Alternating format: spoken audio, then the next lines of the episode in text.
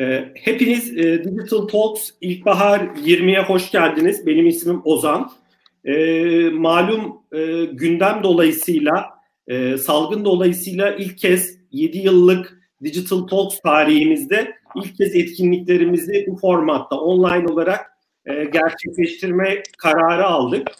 E, bugün çok değerli üç tane konuşmacımız olacak. İlk oturumda e, Fatih İşbecer, Comensis Yönetim Kurulu Başkanı e, ve Mastercard Türkiye ve Azerbaycan Genel Müdürü Yiğit Çağlayan'ı finansal teknolojilerin geleceği başlıklı sohbette ağırlayacağız. İkinci oturumumuzda ise İş Bankası Genel Müdür Yardımcısı Yalçın Sezen ile e, dönüşüm hızlanacak başlıklı bir sohbet gerçekleştireceğiz. E, bu arada e, sohbet esnasında eğer konuşmacılarımıza sorularınız olursa e, rahatlıkla e, bilgi.digitaltalks.org adresinden e, bizlere iletebilirsiniz. Ben de bu esnada kulaklığı taktım. Umarım sesim geliyordur şu an. E, tabii bu 6 haftalık etkinlik periyodunda e, hem bizim davetimizi kabul eden konuşmacılarımıza hem de e, bu seride bizi destekleyen ve 3,5 yıldır da bizim sponsorumuz olan Türkiye İlk Bankası'na, e, elmas sponsorumuz, platin sponsorumuz Comensis'e ve e, medya sponsorumuz, medya destekçimiz Bloomberg Business Week'e de ben e, çok teşekkür ediyorum. Hem kurumlarına hem de değerli yöneticilerine. Dilerseniz ilk oturumumuza başlayalım. E, iki değerli konuğumuz var demiştim. Ben e, Fatih ve Yiğit'e e, ilk sorumu yöneltmek istiyorum. E, hoş geldiniz bu arada. Hoş bulduk. Hoş bulduk. E, Merhaba.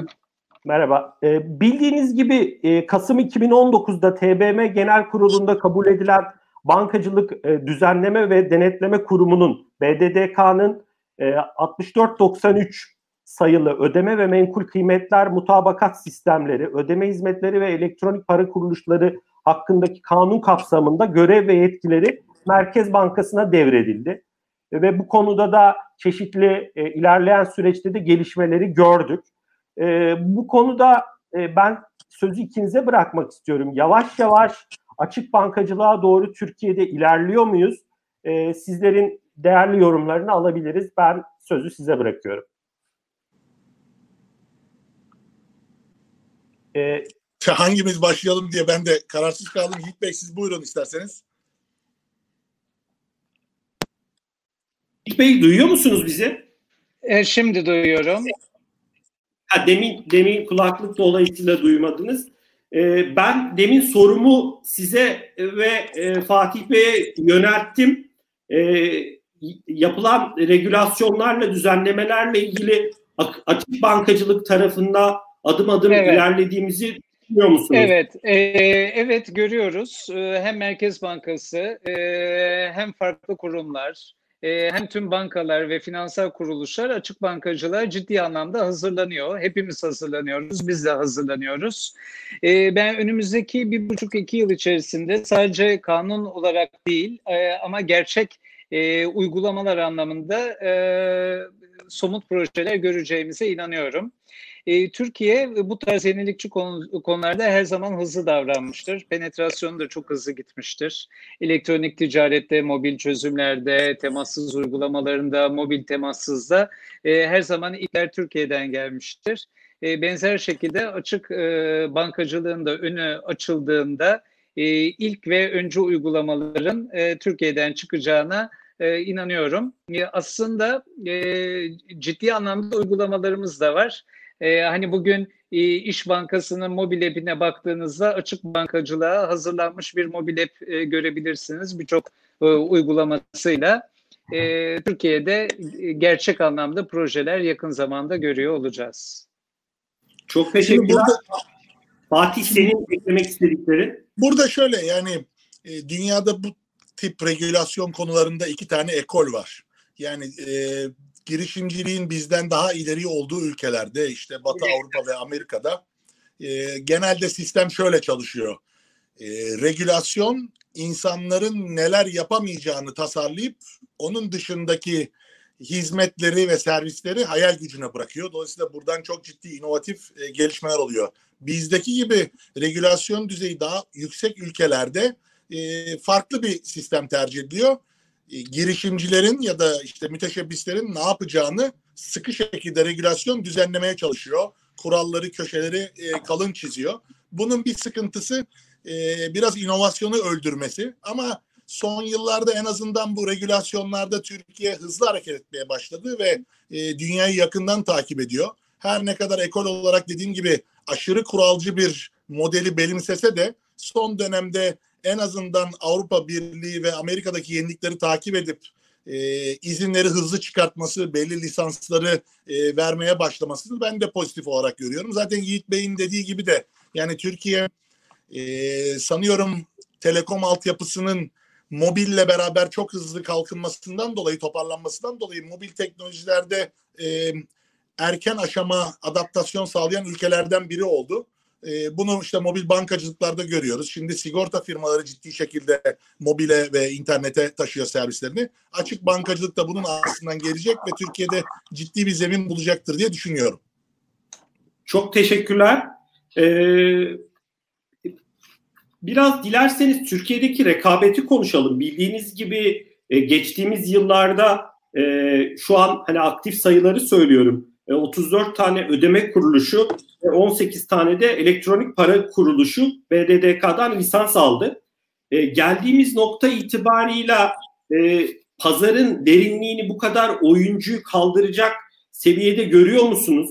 Özellikle de Covid-19'un da dünyadaki finansal piyasalara, ekonomiye olan etkisini de düşündüğümüz zaman Türkiye'de e, rekabet anlamında daha çok birleşme satın almaları görebilir miyiz? Burada ben e, sözü yine ikinize bırakıyorum. Dilersen Yiğit seninle başlayalım. Tabii.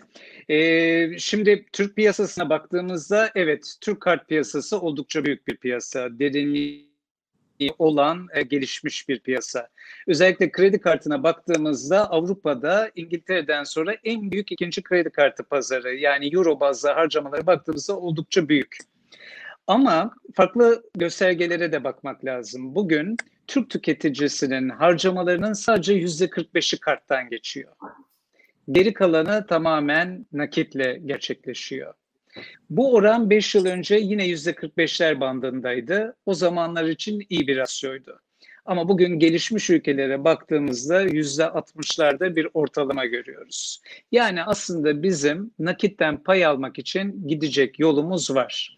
Ama biz kart piyasasını Türk tüketiciler olarak hepimiz şöyle düşünüyoruz. Bizim için kart demek kredi kartı demek. Aslında öyleydi. Bir zamanlar öyleydi. Ama unutmamak lazım. Bugün Türkiye'de yetişkin nüfusun sadece yüzde 45'inde kredi kartı var. Halbuki yetişkin nüfusun yüzde 70'inde bir bankacılık, banka kartı, debit kart ürünü var. Aslında bu da bize gösteriyor ki kredi kartı dışındaki ürünlerde Türkiye piyasası büyümeye devam edecek. Banka kartı, debit kart gibi ürünler yaygınlaşacak. Alternatif ön ödemeli ürünlerde bazı sektörlerde, bazı alanlarda kullanılmaya başlanacak. Yani biz daha yüzde 45'lik bir aşamadayız tüketici harcamalarında. Yüzde 60'a gitmek için e, çok farklı şekilde büyümeler e, gelecektir. Dolayısıyla konsolidasyonları, kapamaları e, ve kötümser senaryoları düşünmek için henüz çok erken. Çünkü daha bu işi büyütme aşamasındayız ve büyümeye devam edecek. Yalnız kredi kartı ile değil alternatif yöntemlerle. Peki Covid e, ödemeleri zayıflattı mı? E, ekonomik koşulları bir tarafa bırakıyorum. Ekonomik koşullar dışında e, Covid aslında ödemelerin önemini arttırdı. Şimdi biz Covid döneminde bir araştırma yaptırdık. Dedik ki Türk tüketicisine sorduk. Siz harcamalarınızı neyle ödemek istersiniz? %65'i kart dedi. Peki bir yıl önceydi yüzde 54'tü. Yani kartta ciddi bir e, farkındalık artmış oldu. Tabii hijyen ve hız beklentisi, temassız işlem yapabilme, elektronik ticaret işlemi yapabilme, dijital işlemi yapabilme alternatifleri de e, nakde karşı e, bir büyüme getirecek e, Covid sonrası dönem, dönemde ödemelere. Dolayısıyla ben ödemeler dünyasına pesimistik değil, daha çok e, olumlu bakıyorum diyebilirim. Ben de aslında Yiğit orada e, o, iyi, kötümser değildim. Biraz daha aslında e, birleşme satın almaları daha çok görür müyüz diye düşünmüştüm. E, hani o anlamda ben de pozitifim onu söyleyebilirim. Muhakkak firmalar yatırım alacaktır, birleşmeler olacaktır, e, muhakkak yeni oyuncular da girecektir. E, hani bu işin daha gelişmiş olduğu yer neresi var? İngiltere var. İngiltere örneğine bakarsak ödemeler dünyasında aslında e, çok benzer yönlerimiz var. Ama çok da fazla oyuncu var. Bu oyuncular yeri geldiğinde başkaları tarafından alındı. Bazen bankalarca alındı. E, dolayısıyla işi büyütmek için hareketlilik muhakkak olacaktır e, piyasada. Çok teşekkürler. Fatih senin yorumların?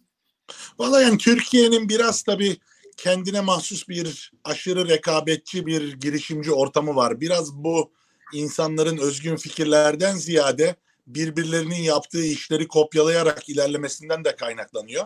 Dolayısıyla ben bir sürü endüstride gördüğümüz e, önce inovatif ve hakikaten bu işe niyetli girişimcilerin başladığı, daha sonra bunlardan görülerek biraz sanki şu aşa, bu aşama ona yaklaştı gibi duruyor. Bir sürü rakibin asıl işi ya da asıl amacı ödeme sistemleri olmayan fakat burayı dışarıdan bakıp olduğundan daha iyi bir pazar gören insanların hücumu gerçekleşecektir. Yani rekabetin en acımasız kısmı bu bölüm oluyor. Çünkü genelde bizde piyasada rekabet fiyat üzerinden, marjlar üzerinden devam ediyor. Akabinde tabii ki zayıf oyuncular, e, belli bir müşteri kitlesine ulaşamayan oyunculardan bir kısmı doğal yollarla bu iş kolundan çekilecektir. Tabii ki de ciddi bir kısmı belli nişleri yakalayanlar, belli ölçüye gelenlerde de e, konsolidasyonlar ve satın almalar, birleşmeler olacaktır. Buna Covid'in etkisi bence özel olarak konsolidasyon tarafında olmayacaktır ama dijitalin artışına çok ciddi bir etkisi olduğu kesin. Yani biz mobil bankacılık trafiklerinde, e-ticaret trafiklerinde çok ciddi bir artış görüyoruz son bir buçuk iki ay içinde. Hala Türkiye için yeterli değil ama en azından o yıllardır beklediğimiz patlamayı böyle tatsız bir olay neticesinde de olsa e, yaşamaya başladık. Bunun tabii artçıları eminim ödeme sistemlerini de pozitif yönde etkileyecektir. Çok teşekkürler. Ee, Yiğit e, biraz Mastercard özeline dönelim. Sonuçta e, Masterpass'i bir son kullanıcı olarak da birçok sitede görüyorum. E, oldukça iyi penetre ettiniz. E, bir taraftan işte bankalarla işbirliği içerisindesiniz, farklı ödeme kurumlarıyla, işte operatörler işin bir tarafında farklı lisans alan kurumlar var. Biraz e, Mastercard'ı nasıl konumlandırıyorsunuz tüm bu ekosistemin içinde? E, ve Master e, PES'e yönelik planlarınız e, nasıl gidiyor? Başka yapacağınız aksiyonlar olacak mı? E, ve demin biraz bahsettin aslında Covid-19'un etkisinden ama e, siz tabii biraz harcama kalemlerini de görüyorsunuzdur diye tahmin ediyorum arka tarafta. E, O tarafta biraz harcama kalemlerinde e, ne gibi hani göze çarpıcı, dikkat çekici gelişmeler var. Biraz bunlardan da bahsedebilirsin. Ben sözü sana bırakıyorum. Tamam tabii. E, harcama kalemleri e, çok beklendiği gibi oradan başlayayım. E, toplamda geçen yıl aynı döneme oranla yüzde on sekizlik gibi bir düşüş söz konusu. E, tabii bir de enflasyonu üzerine koyarsanız yani geçmiş yılda bu yıl arasındaki enflasyonu koyarsanız hani yüzde otuzlarda harcamada bir daralmış daralma olmuş varsayabilirsiniz. E, bu dünyanın her yerinde aynı şekilde gerçekleşti. Yani çok beklendiği gibi tüketiciler market ve gıda alışverişlerini artırırken e, çok beklendiği gibi restoran, seyahat, e, akaryakıt gibi kategorilerde ciddi düşüşler gerçekleşti. E, İngiltere'de, e, Amerika'da, Almanya'da, İspanya'da hepsinde hemen hemen çok benzer davranışlar var. E, şundan bahsetmekte fayda var bence. E, dip toplamlardan bahsetmekten ziyade bir kere açılan pazarlara şu an için bakıyoruz. E, mesela kısmi açılma yapan pazarlar var. E, Çek Cumhuriyeti gibi, Avusturya gibi, Almanya gibi. e, harcamanın toparlanmakta olduğunu görmekteyiz. E, hani bu da bize geleceğe yönelik aslında bir e, gösterge diyebilirim. Ama her şeyden önemlisi tüketici davranışında farkındalık arttı. E, öyle ki toplam harcamaların içerisinde elektronik ticaretin payı yüzde otuzlara erişti. E, keza baktığımızda temassız kart kullanımı yüz yüze işlemlerde yüzde yirmilere tırmandı. Yani bu davranışlar önümüzdeki dönemde geçici değil, kalıcı olacak davranışları olarak ödeme sistemine e, girdi diyebiliriz. Yine çok önemli bir davranıştan bahsetmek lazım. Banka kartı kullanımı. Türk tüketicisi için kart demek kredi kartı demekti. Ama artık banka kartı da e, önemli bir ürün olarak e, ortaya çıktı. Öyle ki bu dönemde yapılan alışverişlerin yüzde 37'si banka kartıyla yapıldı. Ee, biraz evvel söylediğim bir istatistik vardı. Ee, Türk yetişkin nüfusunun sadece yüzde 45'inde kredi kartı var. Ee, geri kalanının temassız ödeme yapabilmesi için, elektronik ticaret yapabilmesi için banka kartı aslında ezem ürünlerden biri. Peki bizim Mastercard olarak planlarımız e, nedir dediğimizde biz kendimizi ödeme alanında faaliyet gösteren bir teknoloji firması olarak e, adlandırıyoruz.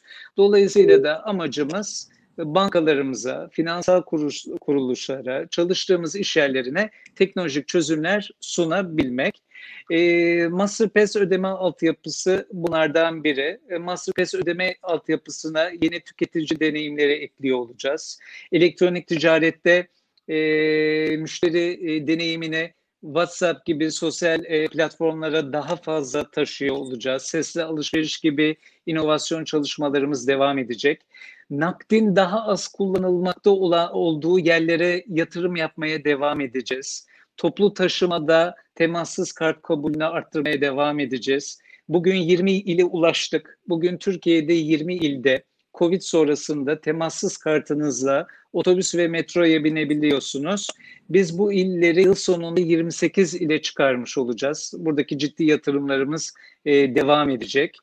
E, daha evvel giremediğimiz bazı alanlara daha fazla gireceğiz. Örneğin B2B ödemelerde e, elektronik ticareti daha fazla göreceksiniz. Bizim çözümlerimizi daha fazla e, kullanıyor olacaksınız. Bunları yaygınlaştıracağız. E, bir de para transferleri konusunda e, projelerimiz var. Tüm dünyada da var.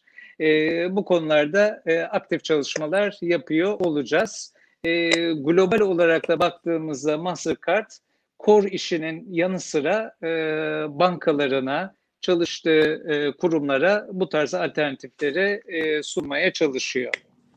Çok çok teşekkürler Yiğit. E, 28 ili olacak dedin. E, eğer hani gizli bir bilgi değilse İstanbul var mı içinde e, yoksa e, şu an açıklayamıyor musun? E, yok maalesef İstanbul yok içinde henüz. Tamam inşallah İstanbul'da ilerleyen zaman diliminde olur. E, buradan ben e, Fatih abiye e, geçeyim. E, Fatih abi Comensis olarak farklı şirketlere, kurumlara e, teknolojik çözümler sunuyorsunuz. Onlarla e, işbirliği içerisinde çalışıyorsunuz. E, hep konuşulan konulardan biri e, açık bankacılığın gelişimiyle birlikte kullanıcı deneyimi önem kazanacak. E, işte kullanıcı en iyi deneyimi bulduğu platformları, markaları tercih edecek e, diye hep e, farklı platformlarda bunlar yorum olarak paylaşılıyor. Sizin bu konuda yorumunuz ne? Sonuçta siz de aslında deneyimi iyileştirmek adına şirketlerle de yakın çalışıyorsunuz. Bir de e, bir ek sorum daha olacak. Bununla belki çok bağlantılı değil ama geçen aylarda biz Digital Talks'ta da haber olarak e, paylaştık. E, Berlin merkezli FinLeap adlı şirketle FinByte adlı bir e, şirket kurdunuz. Bu şirketle ilgili amacınız da nedir? E, ben bu iki soruyu sana yönelteyim. Ama kullanıcı deneyimiyle ilgili kısımda Yiğit'in de sonrasında değerli yorumlarını alalım. Yani şimdi şöyle bu Türkiye'nin e, az evvel de bahsettiğimiz gibi mobil teknolojileri erken kucaklamış olması e, mobil bankacılığa çok ciddi bir talep yarattı. Ve Türkiye'deki mobil bankacılık her ne kadar ilk çıktığı dönemde makas Türkiye lehine daha açık olsa da e, dünyadaki emsallerine göre çok daha zengin işlem çeşidi ve çok daha zengin e, seçenekler sunuyor. Dolayısıyla bu biraz piyasaya yeni girecek açık bankacılık çözümlerinin bir kısmının e, zorlanmasına neden olacaktır. Burada Türkiye'nin bence önünde ki en temel engellerden biri Türkiye'de hakikaten e, yeni bir müşteriyi diyeyim yeni bir kullanıcıyı tamamen dijital olarak bankacılık sistemine entegre edemiyorsunuz. Hala işte e, nüfus cüzdan fotokopisi, kimlik fotokopisi gerekiyor, ıslak imzalar gerekiyor. İşte e, onlarca sayfa sözleşme imzalanıyor. Daha sonra onlar şubelerde biriktiriliyor, bir merkeze götürülüyor, taranıyor, sayısallaştırılıyor falan.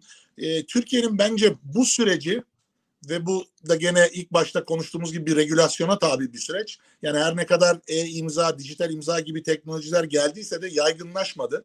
Türkiye'nin bence ıslak imza problemini çözmesi lazım. Türkiye eğer e, ıslak imza problemini demeyeyim de ıslak imzayı ıslak imza olmadan kabul edilebilir bir altyapıyı e, vatandaşına, firmalarına, girişimcilerine sunduğu takdirde bu tip dijital servislerde hakiki patlamayı o zaman yaşayacağız. Yani e, şu anda mesela en büyük problem nedir bir açık bankacılıkta? Hakikaten e, belli kısıtlar olmadan siz bir müşteriyi gerçek manada banka müşterisi haline getiremiyorsunuz. Mutlaka şubenize davet etmeniz gerekiyor ya da işte kuryeli e, işte ne bileyim kargolu belli süreçler çalıştırıp hem masraflı hem çevreyi kirleten hem de zaman kaybına neden olan yani işte ileri ileri ileri diye tıklayıp ben şart diye dijital bir hesap oluşturmakta hala zorlanıyorum bir sürü kurumda.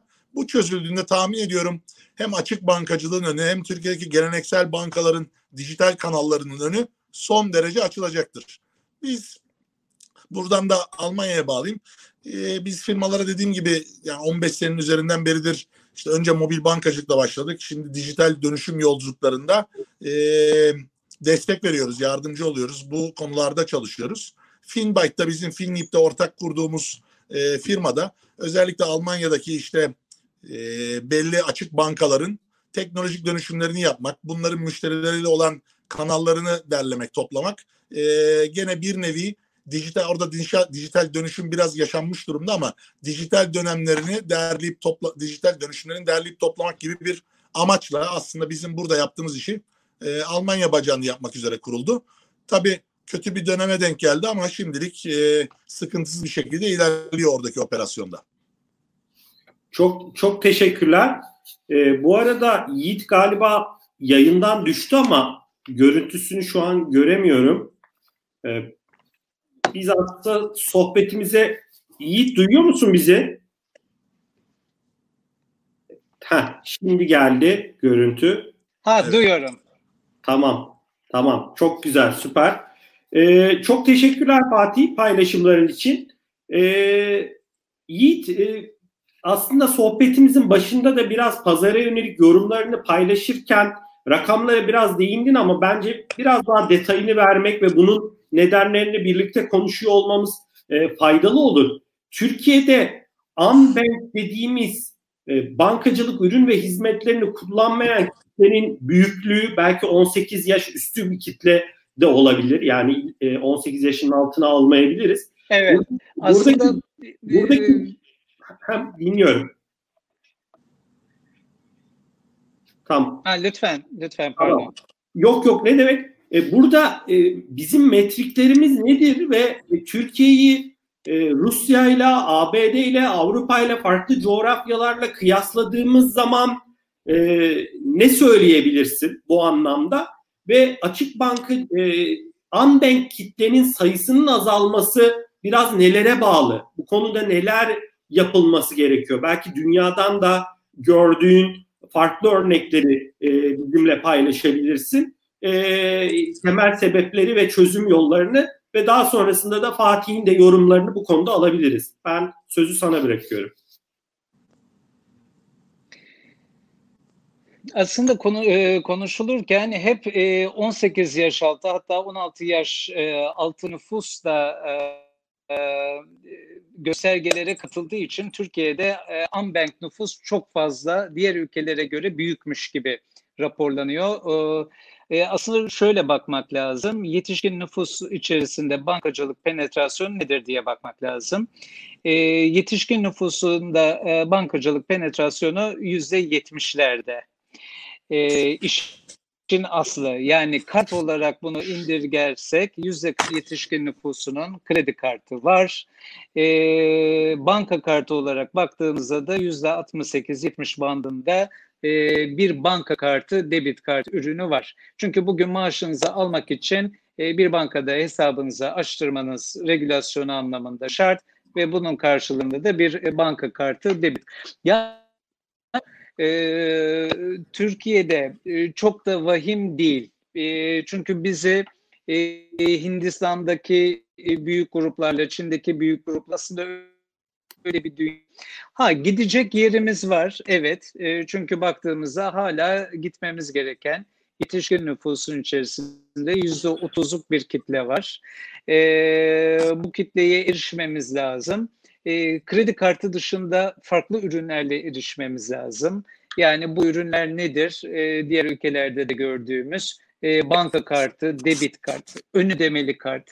Yani bankacılık hesabı açmak istemiyorsunuz ama internet kullanmak, temassız işlem yapabilmek için üzerine bakiye koyduğunuz herhangi bir ön ödemeli kart e, almak isteyebilirsiniz.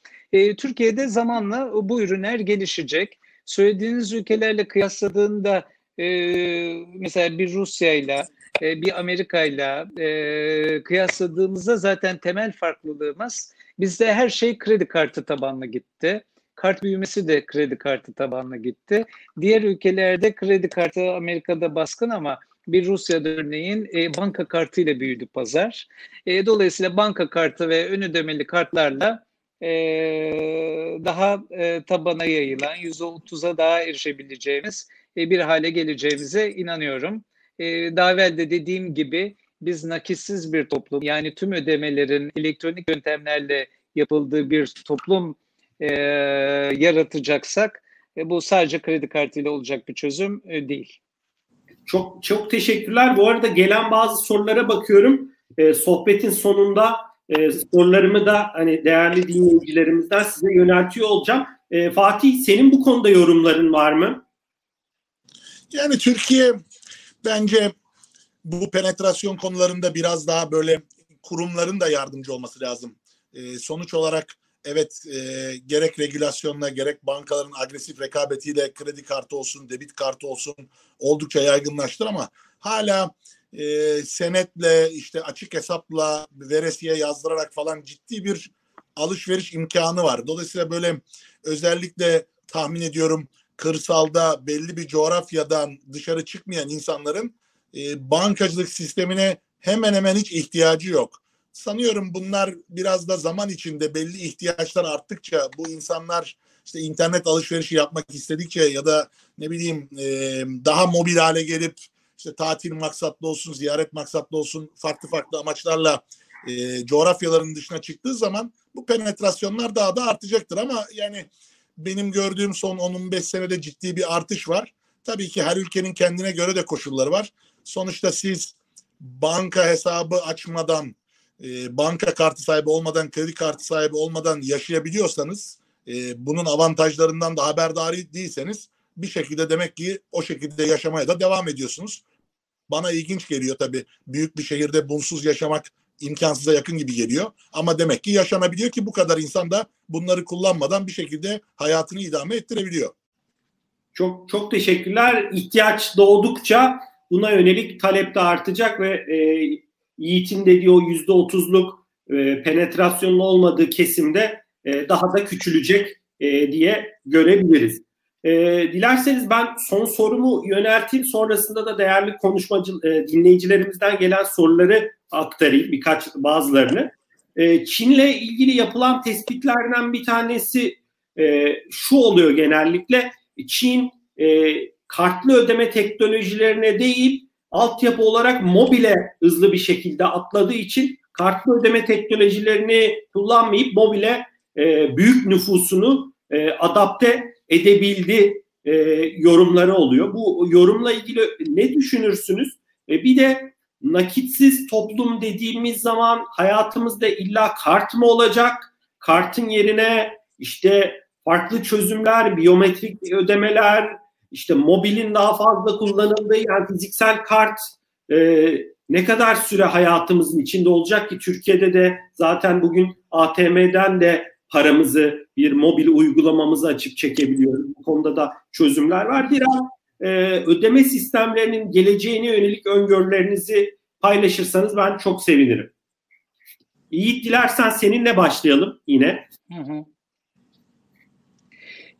Şimdi Çin'e baktığımızda ilk kare kodlu uygulamalar zaten ilk para transferi olarak başlıyor. Orada Çin yeni yılında kırmızı zarf uygulaması var. İnsanlar birbirlerine nakit para veriyorlar kırmızı zarf içerisinde. Para transferiyle bu kendini değiştiriyor. dijitale evriliyor. ortada post cihazı olmayınca da kare kod son derece kolay bir uygulama olarak hayatlarına giriyor e, ve aslında postaki temassız kart özelliği e, tamamen e, mobile bir şekilde kaymış oluyor. Ha ama her pazarın e, neye hazır olduğuyla çok ilişkili bu. Neden? E, Rusya e, Çin'e çok yakın bir pazar. Rusya'da ise e, kare kodlar ve benzer teknolojiler gelmeden evvel e, post altyapısı kurulmuş, kart altyapısı kurulmuş durumda. Yani temassız kart orada hala hazırda bu uygulama varken çoktan kurulmuş durumdaydı. Ne oluyor? Kare kod gibi uygulamalar yaygınlaşmıyor. Tüketiciler temassız uygulamaları kart üzerinde tercih eder hale geliyor. Temassız kart, daha sonra da mobil e, cihazlar üzerinden temassız uygulaması. Dolayısıyla benim de beklentim e, artık kart son derece post cihazları son derece penetre etmiş bir ürün. E, sıfır ayrı bir teknoloji olmaktansa bu raylar üzerinde e, büyüyeceğine inanıyorum. E, temassız kartın yaygınlaşacağına ciddi anlamda inanıyorum. E, Avrupa'ya baktığımızda çok ciddi bir ivme var. Öyle ülkeler var ki e, işlemlerinin Polonya gibi %80'i %90'ı neredeyse e, temassız olarak gerçekleşiyor. Dolayısıyla bizim bugünkü rasyolara baktığımızda yüzde yirmilerde ama ciddi bir ivmeyle bunun yüzde otuz kırk bandına yerleşeceğine inanıyorum. E, tabii mobil bir ülkeyiz. E, dolayısıyla da dijital ödemeler, elektronik ticaret e, hayatımızın çok önemli bir parçası olacak. E, zaten Covid döneminde de e, ispat edilmiş e, bir şey. E, Türk toplumuna sorduğunuzda e, elektronik ticaret kullanıyor musunuz? E, aslında hayır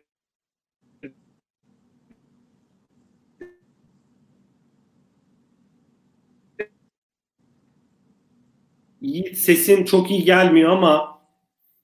Evet ben de kaçırdım. Evet. Dilersen Fatih abi senle devam edelim. Yiğit'i ben yayından alayım. O bir daha bağlansın kabul edelim. Belki anlık bir şey olmuştur. Donma. Evet dondu galiba görüntüsü. Evet. Gitti zaten. Aha. Ee, Ozancım yani burada aslında şöyle bir durum da var. Teknolojide de belli şeyler moda haline gelebiliyor. Dolayısıyla bu iş e, o yüzden coğrafyaya göre, kültüre göre e, belli altyapılardaki mevcut durumunuza göre çok değişkenlik gösteriyor. Bir, bir dönem sen de mutlaka hatırlarsın. Afrika'da çıkan M-Pesa modası vardı.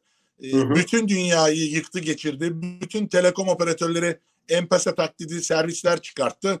E, ve Afrika dışında hemen hemen hiçbir yerde tutmadı. Halbuki bütün rakamlar, bütün penetrasyon yüzleri falan e, çok iyi bir iş olduğu yönündeydi. E, hepimiz şaşırdık bu niye Türkiye'de de denendi, işte başka yerlerde de denendi olmadı. İşte ülkelerin kendine göre e, koşulları var. Ben bu olaydan yıllar sonra gittiğimde Kenya'da gördüm. Evet M-Pesa tutmayacaklar ne tutacak ki? Hiçbir şey yok. Elektrik yok. E, güvenlik yok. İnsanların parasını saklayabileceği hiçbir şey yok. Herkesin telefon numarasını bir nevi banka haline getirmişler. Güvenin sıfır olduğu bir ülke işte kısa mesajlarla insanlar birbirlerine kuruş mertebesinde para gönderiyorlar ve son derece eski model telefonlar kullanıyorlar. Bence buradan da Çin'e atlayalım. Çin'de de çok özel bir durum var. Çin bir kere e, bir ülke olarak değerlendirilemeyecek kadar büyük bir bir şey diyeyim. Yani ülke tabii de her 20-30 kilometrede bir dil değişiyor. Çok ciddi farklı diyalekler, farklı dilleri var. Ee, işte bu programdan önce baktım. Nüfusu 1 milyar 439 milyon olmuş. Dünyadaki nüfusun yüzde 18 buçu Çinli. Şimdi zaten böyle bir ülkede her sayı abartılı olduğu için e, bunlara böyle geleneksel manada herkese post cihazı vermek, herkese kart basıp göndermek, bunun lojistiği, sayması, mutabakatı falan muhtemelen zaten çok olası değildi. Ve Çin bu 2000'lerden sonra yaptığı çok ciddi üretim hamlesiyle zaten herkesin eline telefonu verdi. Bir de dışarıya oldukça kapalı bir pazar açık gibi gözüküyor ama global oyuncuların çoğunu, internet oyuncularının çoğunu e, sınırlarında bloklayan ve kendi içinde bunların taklitlerini, benzerlerini ya da işte birkaç tanesinin özelliğini alıp birkaç tane inovasyon ekleyip yapan değişik bir ülke. E, o yüzden hani Çin'de bu her şeyin karekada dönmesi, her şeyin temassıza dönmesi, her işin telefondan olması biraz bence fazla kalabalık olmasından ve altyapının da böyle bir nüfusu kaldırabilecek hale gelememesinden kaynaklanıyor. Dolayısıyla ne oldu? Nasıl biz Telekom'da işte 80'lerde bir anda karar verilip işte daha elektrik olmayan yerler varken şehirler arasına ve belli kasabalara fiber çekmeye başladı. Telekom ciddi bir hamle yaptı. Sonra mobil teknolojilerde hızlı sıçradık. Çin'de muhtemelen aşırı regülatif bir ülke olduğu için ve 8-9 kişilik bir ana komisyon ve altında böyle çalışma gruplarıyla yönetilen bir nevi mühendislik projesi gibi bir ülke olduğu için e, bunlar muhtemelen karar aldılar. Dediler ki biz her köye, her kasabaya bir buçuk milyar insana tek tek bakır kablo, fiber optik bir şey çekemeyiz. E, bunu en iyisi e, GSM hatları üstünden, mobil hatlar üstünden yapalım dediler ve Çin'de bu iş patladı. Nitekim Çin dışında da e, belki Hindistan, Pakistan nüfusları ve coğrafyaların büyüklüğünden dolayı benzer seyir izleyeceklerdir ama e, bizdeki seyir farklı gidiyor. Biz kartı sevdik, e, kart üstünden gidiyoruz. İşte Yiğit'in söylediği gibi Rusya daha debit anlamlı e, debit tarafına gidiyor.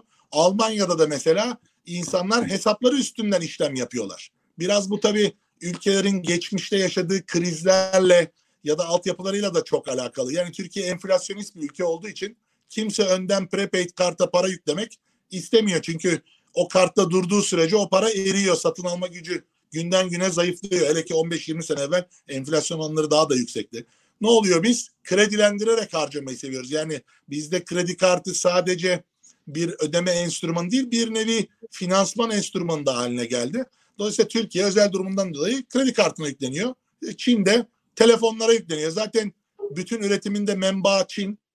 Bütün telefonlar da iyi kötü e, belli bir yüzdeye kadar zaten Çin menşeli parçalarla üretiliyor. Bunlar bütün halkını akıllı telefonla boğup bir şekilde bu ödeme sisteminde e, hem telefon üstünden halletmiş hem de kayda almış oldular. E, dolayısıyla dünyanın geri kalanında farklı dinamiklerden dolayı e, tıpatıp aynısının gerçekleşeceğini kısa vadede ben öngörmüyorum. Çok teşekkürler. Bu arada e, Yiğit'in bağlantısındaki problem şu an devam ediyor gibi. E, yani heh, geldi, geldi. Bir tane gelmişti, tekrar gitti. E, ben çok teşekkür ediyorum Fatih değerli paylaşımların için. E, bir daha bir Yiğit'i denedim ama evet, heh, görüntü geldi. Yiğit duyabiliyor musun bizi? Biraz yatay bir görüntü oldu Yiğit. Duyuyorsan. De... Görüntü şu an yatay geliyor. Heh, şu an düzel. Duyuyorum kusura bakmayın tamam. sürekli. Ee, ADSL'le bağlansaydın daha iyi olacaktı ama galiba 4G'nin azizliğine biraz uğradın. Ee, bilmiyorum. Ee, şey e, Burada e, senin yorumlarını tamamlayamamıştın. Fatih e, Çin'le ilgili özellikle e, değerli paylaşımlarda bulundu. Senin eklemek istediklerin, yorumların var mı? E, ben sözü sana bırakayım. Ee, evet, e, orada e, POS penetrasyonu çok düşüktü e, mobil uygulamalar çıktığında. Dolayısıyla kare kod diğer ülkelere göre çok daha hızlı yayıldı. E, çünkü POS yaymaktan daha kolaydı. E, Rusya örneğini vermiştim. Her pazarda o yüzden farklı hareketler oluyor. E, Rusya, e, Çin'in yakınında bir pazar.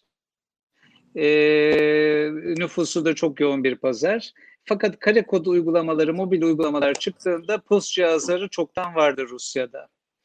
E, dolayısıyla Rusya benzer şekilde büyümede e, temassız kartlarla, temassız ödemeyle E, hatta mobil ödemelerin e, temassız versiyonuyla büyüdü. E, dolayısıyla her e, pazarın e, teknik altyapısına göre, neye hazır olduğuna göre çok farklı çözümler e, penetre edecektir. Ama Batı dünyasına baktığımızda e, temassız ödemenin çok yaygınlaştığını görüyoruz. E, öyle ki ödemelerinin %80'ini 90'ını temassız kartlarla, e, temassız mobil uygulamalarla yapanlar var. E, bizim de postkart ve e, mobil penetrasyonlarımız giderek artıyor. Biz de daha çok temassız teknolojisiyle büyüyor olacağız. Peki orada paylaştıysan kaçırmış olabilirim kusura bakma. Türkiye'de temassız özelliğine sahip postların oranı kaç acaba? Bir e, rakam hatırlıyor musun? Yüzde yüzde 65'lerde kartlarda da kredi kartında baktığımızda yüzde 65'e yakın. Sadece Hı-hı. banka kartında yüzde 25'iz. E, banka kartında büyüdükçe e, postlarda çünkü büyümeye devam edecek e, oranlarımız artacak. Kredi kartı ve postlarda temassızlık özelliği yüzde 65 banka kartında da yüzde 25 seviyede diyorsun. E, ben çok teşekkür ediyorum ikinize de değerli paylaşımlarınız için. E, bir hemen gelen e, sorulara bakıyorum. E, isimlerini de paylaşmayayım. Yani sonuçta özel bilgileri olduğu için çok değerli şirketlerden kimi yöneticiler mail atmışlar. Gelen bir soruyu okuyayım.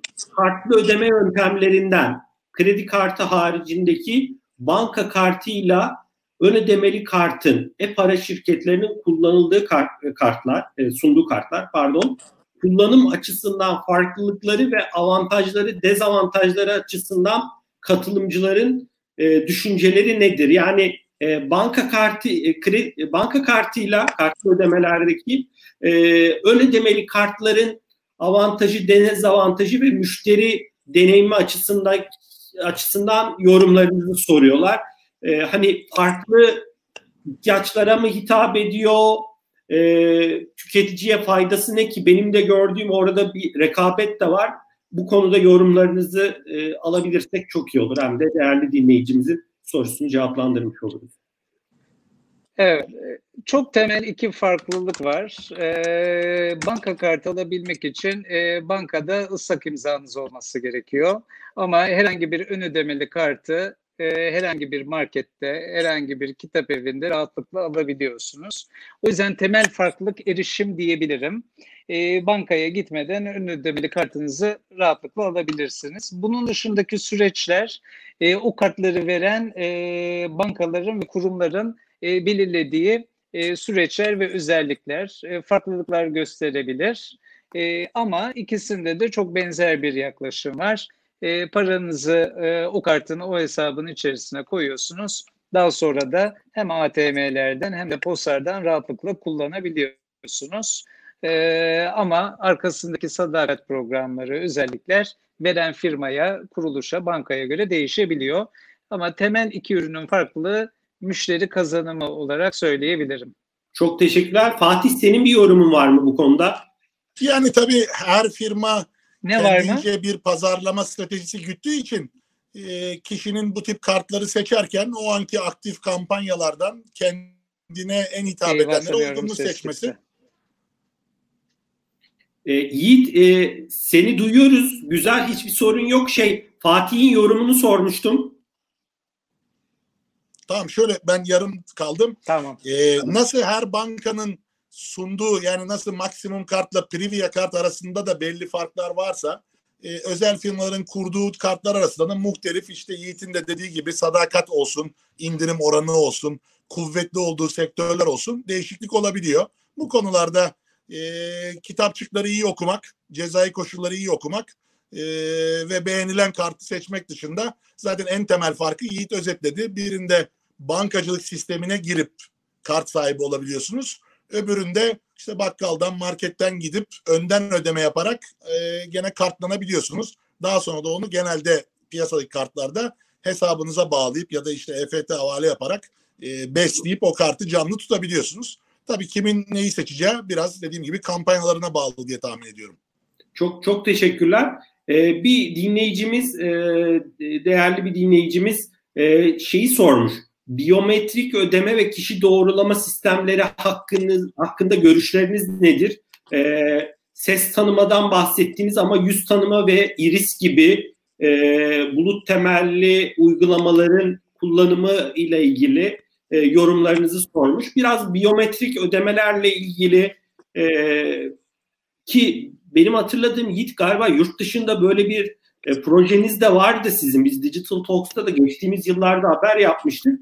E, bunun geleceğine yönelik ne düşünüyorsun? Evet. Fatih abi senin de bu konuda yorumlarını alalım tabii ki. Yiğit seninle başlayabiliriz. E, deniyoruz, çalışıyoruz e, ve e, teknoloji geliştikçe de şimdi biyometriyi ilk çalışmaya başladığımızda kabul rasyosu düşüktü. E, yüz taramalar, göz taramalar yani bir işlemin hızına yetişemeyecek seviyedeydi. Teknoloji bunu çözmeye başladı. Biz de ödemeler e, dünyasında e, bunu çalışıyoruz. E, henüz dağıtımı pahalı, yaygınlaşması e, pahalı bir teknoloji.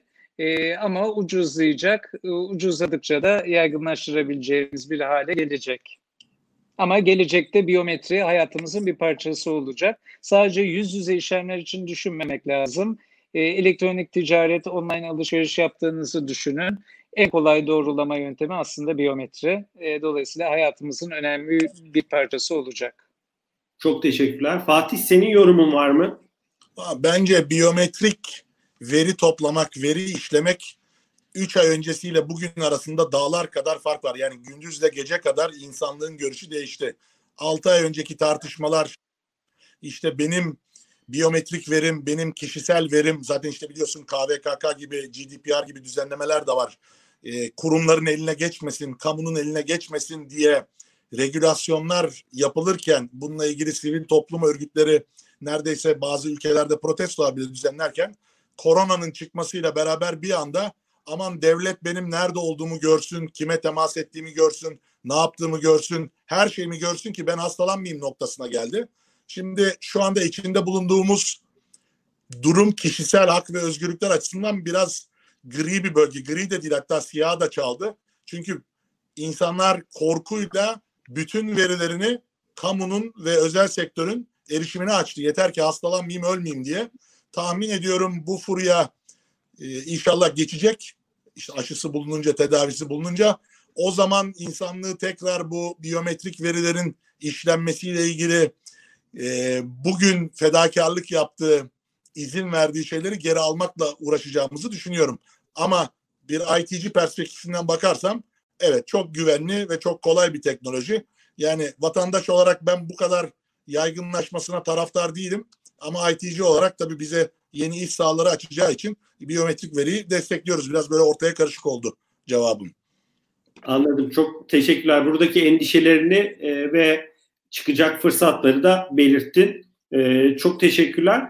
E, ben şöyle sorulara bakıyorum. Belki son bir soru soralım. Aslında Yalçın Bey'e de gelen bir soru ama bunu ben başka bir yöne çevireceğim biraz dünyada süper app'leri görüyoruz baktığımız zaman. Mesela e, işte WeChat bunlardan bir tanesi. İşte API ekonomisinde e, uygulamaların birbirine bağlandığı, farklı özellikler sunduğu e, dünyalar.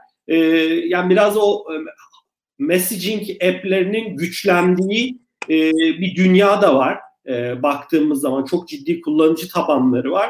E, biraz bu noktada e, yani ödemelerin bu uygulamaların içindeki yerini nasıl görüyorsunuz diye ben biraz soruyu da genel soruyu da biraz e, modifiye edip dönüştürüp sizlere yöneltmiş olayım. Fatih abi dilersen senin yorumlarını alalım. Yani biraz ekonominin e, ve ticaretin bu app'lerin içine kaydığı bir dünyada var mı? Ve bu konudaki yorumların ne?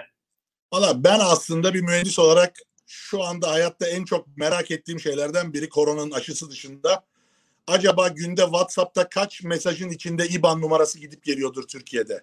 Yani eminim hepimizin her gün ya da her ödeme döneminde yaşadığı bir şey. Her şey artık hatta böyle bir görgü kuralı haline de geldi ya. İşte ekran görüntüsü göndermeyin. IBAN'ı bilir şekilde yazın diye. Buradan da ben bir nevi e, izleyicilerimizi de bu kamu, yeni kamu, nezaket kurallarıyla ilgili kamu spotu e, oldu Fatih abi bu. Efendim? kamu spotu oldu diyorum. Kamu çok spotu doğru, gibi oldu evet. Yani doğru bir, o kadar doğru çok IBAN numarası gidip geliyor ki artık WhatsApp üzerinden yani bizde en yaygınlardan biri WhatsApp olduğu için WhatsApp'ı söylüyorum. Tabii ki bunu bu programları geliştiren kurumlar, girişimciler bunu görüp ya diyor ben bu finansal verinin para kısmı hariç zaten bütün bilgilendirmeyi ben taşıyorum. Yani hesap numarası benden gidiyor. Ödeme yapılınca ödemeyi yaptık diye oradan yazıyoruz. Niye ben bunu bankanın apisine bağlayıp ya da bir banka haline gelip yapmayayım? Dolayısıyla mesajlaşma uygulamanın burada bir doğal avantajı var ve sanıyorum e, para transferlerinde demin dediğimin aksine yani Çin'de tabii her şey e, bu süper app'lere kaymış durumda ama e, bizde de eğer WhatsApp bir gün Türkiye'de bir bankayla ortaklık yaparsa ya da o günün popüler chat uygulaması bir bankacılık apileriyle böyle bir anlaşma yaparsa çok ciddi bir para trafiğini en azından düzenli olmayan yani tek sefere mahsus ödemeleri e, kendi üstünden geçirebilir diye düşünüyorum. Çünkü zaten e, günlük kullanım alışkanlıklarımızda özellikle bu karantina sürecinde herkesin hayatı 3-4 tane aplikasyona indirgendiği için onların içinde diğer yaptığınız işlemlerle ilgili kolaylıklar sunulduğunda tabii ki adaptasyon inanılmaz hızlı ve inanılmaz kuvvetli olacaktır diye düşünüyorum. Çok çok teşekkürler. Bu arada e, Yiğit'in galiba bağlantısı koptu ve şu an hani görmüyorum. E, ben hani e, dilerseniz şöyle yapalım Fatih yayını e, az sonra sonlandıralım. E, ben Yiğit'e de çok teşekkür ediyorum e, değerli paylaşımları için. Sana da çok teşekkür ediyorum e, değerli paylaşımlar. Rica ederim. Valla Yiğit'in bağlantı problemi biraz bana yaradı. Böyle tek başımıza e, Yok, program yok, yapıyor e, gibi olduk. Yiğit de, Yiğit de, ga, e, Yiğit de ga, e, gayet kendini ifade etti. E, yani ona da süre anlamında haksızlık yapmadığımızı düşünüyorum ama senin de değerli paylaşımların ve yorumların e, çok önemliydi. Heh, Yiğit bağlandı. Yiğit e, biz de e, kapanışı yapalım diyorduk. Biraz aslında son soruyu sana da yön, e, yönelteyim. Bu süper app'lerle ilgili e, sohbetimizi bilmiyorum ne kadar dinledin ama yani bu mesajlaşma uygulamalarının özellikle yani süper app deyince illa mesajlaşma uygulaması olmak zorunda değil ama e, bu süper app'lerin ve mesajlaşma uygulamalarının e, ekonomi ve ödeme sistemleri içindeki yerini nasıl görüyorsun? Fatih e, çok ciddi burada bir potansiyel olduğundan bahsetti Türkiye özelinde ve dünyada. E, biraz buradaki yorumlarını alabiliriz senin. e, kesik geldi. E, sohbet app'lerinin e, süper app olması konusu değil mi? Ve e, ödeme sistemlerindeki e, gücü e, yani oradaki fırsatlar diyebiliriz. Belki biraz rekabet diyebiliriz. Bunu bunu söylüyorum. E, aslında e, şöyle de bakmak lazım. Bir süper app olması e, konusu var. Bir de mecra haline gelmesi var. E, hem müşteri kazanımı hem müşteri servisi e, e, açısından hem de para transferi için çok uygun mecralar olduğuna inanıyorum. E, hani olacak aynı zamanda. Yani sadece kendilerinin süper app'e gelmesi değil, e, doğuda süper app haline gelmişler ama batıda e, süper app'e gelmekten ziyade her yere entegre olmuşlar API'larla. E, benzer şekilde e, birçok servis için iyi mecra olabileceklerine inanıyorum. Çok çok teşekkürler. E, dilerseniz bu sohbetimizi e, ya açılışı sizinle yaptık. Ben çok mutlu oldum. E, sizlerin değerli paylaşımlarını dinlediğimiz için. E, şu anda da bakıyorum yanılmıyorsam 204 kişi izliyor. Tabii bu yayınımızı biz YouTube'da tutmaya devam edeceğiz ve e, belki ses kaydını ayrıştırıp podcast olarak da paylaşacağız. E, eklemek istediğiniz herhangi bir e, nokta var mı? Yoksa e, dilerseniz bu yayınımızı sonlandıralım ve az sonra Yalçın Bey ile Yalçın Sezen'le sohbetimize başlayalım. Çok sağ olun. Yalçın Bey'i dinlemek için sabırsızlanıyoruz. Teşekkürler Ozan. E, teşekkür ederim Yiğit. E, keyifli bir sohbet oldu. Podcast'ı mutlaka evet. yapalım. Bu vesileyle bizim de bir tane podcast'imiz olsun. E, belki devamı da gelir. Tabii ki, tabii ki. Çok teşekkürler. E, Hoşçakalın. İyi çalışmalar, iyi akşamlar, sağlıklı günler.